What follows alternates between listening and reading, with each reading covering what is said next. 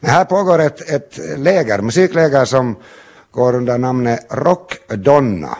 Och det kanske namnet i sig själv berättar att det handlar om, om uh, mera lätt musik kan man säkert säga. Och det här lägret är avsett för unga damer, unga kvinnor, unga flickor i åldern 13 till 19 år skulle jag säga. Så är det och, och Sofia Fri Savier står här bredvid och nickar och, och ser nöjd ut när jag får det här rätt så långt. Eh, Sofia, du är bandledare här eh, på det här lägret. För det första så får du nog berätta åt mig vad en bandledare eller bandledare egentligen gör. Vad är din uppgift här?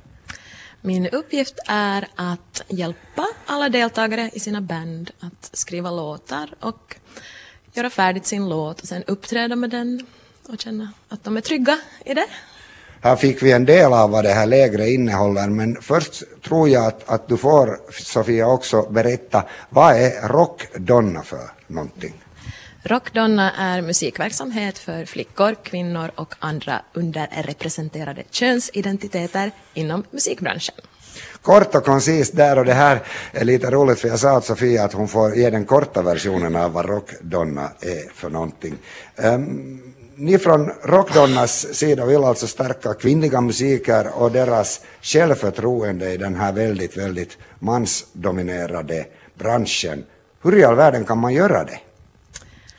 Ja, jag tror att när man kommer hit, till exempel då på läger och får finnas i ett tryggare rum där man kan känna att man kan vara vem man vill och skapa fritt, så kan man hitta en, en kreativ form att visa sin musik och känna att man har en plats, att det finns utrymme för alla. Det är vad vi försöker bygga här på lägret. Jag har själv hört dig Sofia sjunga vid några tillfällen och jag vet att du, du har tagit din plats som artist här i den här mansdominerade branschen om man säger på det viset. Um, vad är det som, som du tycker att är det viktigaste kanske, eller de viktigaste sakerna att tänka på som kvinna i musikbranschen? Kanske att vara medveten om att branschen är mansdominerad och att den är byggd för en man och att många kvinnor kan bli utnyttjade och att inte ta någon skit, om man får säga så. Mm. Och äh, skapa ett bra team runt sig. Det händer jättemycket, speciellt i Sverige, om man tittar dit. Så man kan göra det på sina egna villkor. Um, om det är något som inte känns bra, så sök en annan väg. Sök en annan, ett annat band, en annan producent. Mm. Det finns jättemycket. Det finns många vägar. Och att man ska göra det så att det känns bekvämt för en själv. Det som är väldigt viktigt tror jag är att stå på sig själv också, mm. kan jag tänka mig. Um, här i Finland så, så är det ju förstås också en väldigt mansdominerad bransch och somrarna är ju sådana här rockfestivalers lovade tid i det här landet. Men enligt någon statistik, enligt statistiken så, så är det endast var nionde artist som står på de här stora finländska scenerna under de här Äh, festivalen är kvinna. Alltså var nionde. Det är väldigt, väldigt lite. Vad väcker det här för tankar hos dig, Sofia Fri? Ja, jag vill hjälpa till att ändra på det. Visa att, uh, att man kan vara kvinna på scen. Ju mer man ser det, ju mer tror jag att det växer. Så man behöver förebilder för att våga göra det själv. Och det krävs ett aktivt deltagande från festivaler att kanske välja mera kvinnliga artister. För de finns där ute. Och hälften av de som går på festival är kvinnor. Och det känns bra för dem att också se kvinnliga artister på scen. Att ha en representation. Att det är just vem är det som väljer banden? Är det bara ett team med män? Um, eller är det också kvinnor med? Och kanske då öppna upp att teamet är större. Så att det är 50-50. Det finns mycket man kan göra. Så, så du säger att eftersom det är mycket kvinnor i publiken så, så, så och, och, kvinnor vill se kvinnor på scen, är det faktiskt så? Har du, har du liksom stött på det, det som faktum? No, jag fick faktiskt här för några veckor sedan en sån här konstig tanke, eller jag funderat varför reagerade jag så starkt en gång när jag såg en, en kvinnlig artist i London när jag var 22 år gammal. Att det på riktigt, hennes solo slog in i mitt hjärta. Så här, wow! Och så var jag så här, varför reagerar jag så starkt? Och sen insåg jag att hon var kanske den första kvinnliga elgitarristen jag såg live när jag var 22 år gammal i London.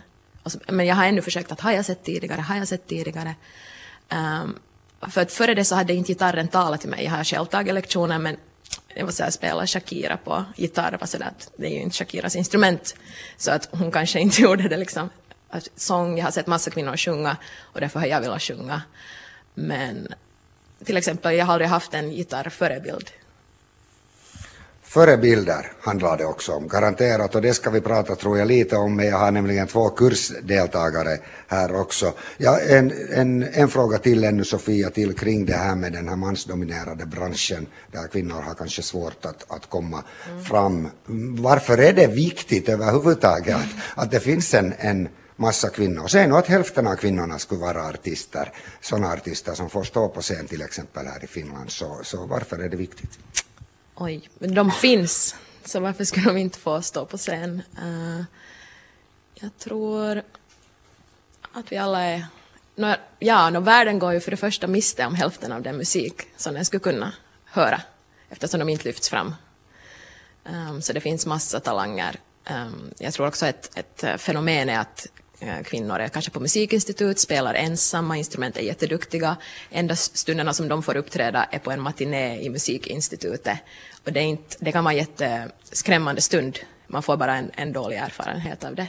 Istället för att gå upp med ett band på en scen och känna att det är vi och vi ger någonting och det är kul. Um, så ja, jag tror att det finns, vi finns och vi ska få spela och dela vår konst. Så säger alltså Sofia Frisavier som är band, bandledare här på det här Rockdonna lägret. Jag har med mig här alltså Amanda Tverin, en riktig veteran här på de här lägren. Det är femte gången som hon är med. Sen har jag Alexandra Jensen från Dragsfjärd eh, med här som är första gången, så det blir en bra kombo här. Eh, Amanda är egentligen hemma från Tölö men studerar musik, ursäkta, från Ingo och studerar givetvis i i Töle gymnasium eh, musik. Amanda, när du hör på vad Sofia säger så, och du har varit fem gånger på ett sådant här läger, känner du att du är starkare som en kvinnlig, eh, kvinnlig artist nu när du har varit på sådana här läger här? Jo, definitivt att eh, när jag började här så var jag väldigt blyg och inte vågade alls ta plats men sen de här lägren har just lärt mig att, att jag ska få ta plats och att jag är lika värd som alla andra som är uppe på scenen också. Mm, det låter väldigt bra. Är det, är det för dig, eh, Alexandra, en av orsakerna att du är här, att du ska känna dig mera stark som, som, som en kvinnlig artist, eller, eller är du här mest för att du har hört om det här lägret och, och, och, och hört att det är bra och så? Ja, jag tycker nog att jag kom hit mera för musiken och för att det är självkänsla, men klart också att för att lyftas upp som en mm. kvinnlig artist. Mm. Vad tror du att du kan lära dig här på det här lägret? Eller, eller ursäkta, vi gör så här, du har varit här en, någon dag, ja. så vad har du lärt dig så här långt? No, så här långt har jag nog lärt mig mycket att spela instrument och att, ja, massa saker om liksom allt med självkänsla och vi har fått också lära oss om kvinnliga artister som inte lyfts upp och massa roliga saker som jag inte ens kommer ihåg just nu för vi har lärt oss så mycket. Mm. Uh, Amanda, att en, en av de här sakerna som ni lär er här är att, att hur man startar ett band och, skriver, och att skriva egna låtar. Hur långt är du på den, det spåret? No, alltså, jag skriver nog själv många egna låtar. Jag skriver också mycket dikter, så jag tycker mer om att skriva. Jag har inte ännu hittat ett band, men det på väg får man hoppas att jag någon gång kommer att hitta ihop. Amanda äh, är mera sångare men spelar också en del instrument medan Alexandra spelar då både piano och blockflöjt åtminstone men kan en hel, en hel del andra instrument också. Hur är det med dina bandplaner äh, Alexandra? Har du ett färdigt band redan eller, eller ska du börja samla ihop ett nu? Ja, det, vi får nog se. Inte har jag något band ännu men det, det kan ju hända. Jag har inte haft några tankar på det. Innan vi avslutar härifrån Villa Kristin ska jag fråga ännu Amanda Tverin och Alexandra Jensen uh, om, uh, om vad heter det, det här att, att hur lockande är musikbranschen som ett blivande yrke? Vad säger du Amanda?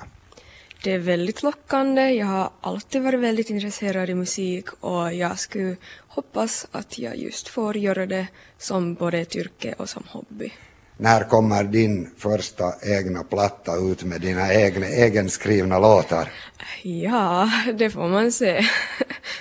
Vad tror du, eh, Alexandra, kommer musik att bli ett yrke för dig? Jag vet inte, jag har inte tänkt så långt ännu, men det kan hända.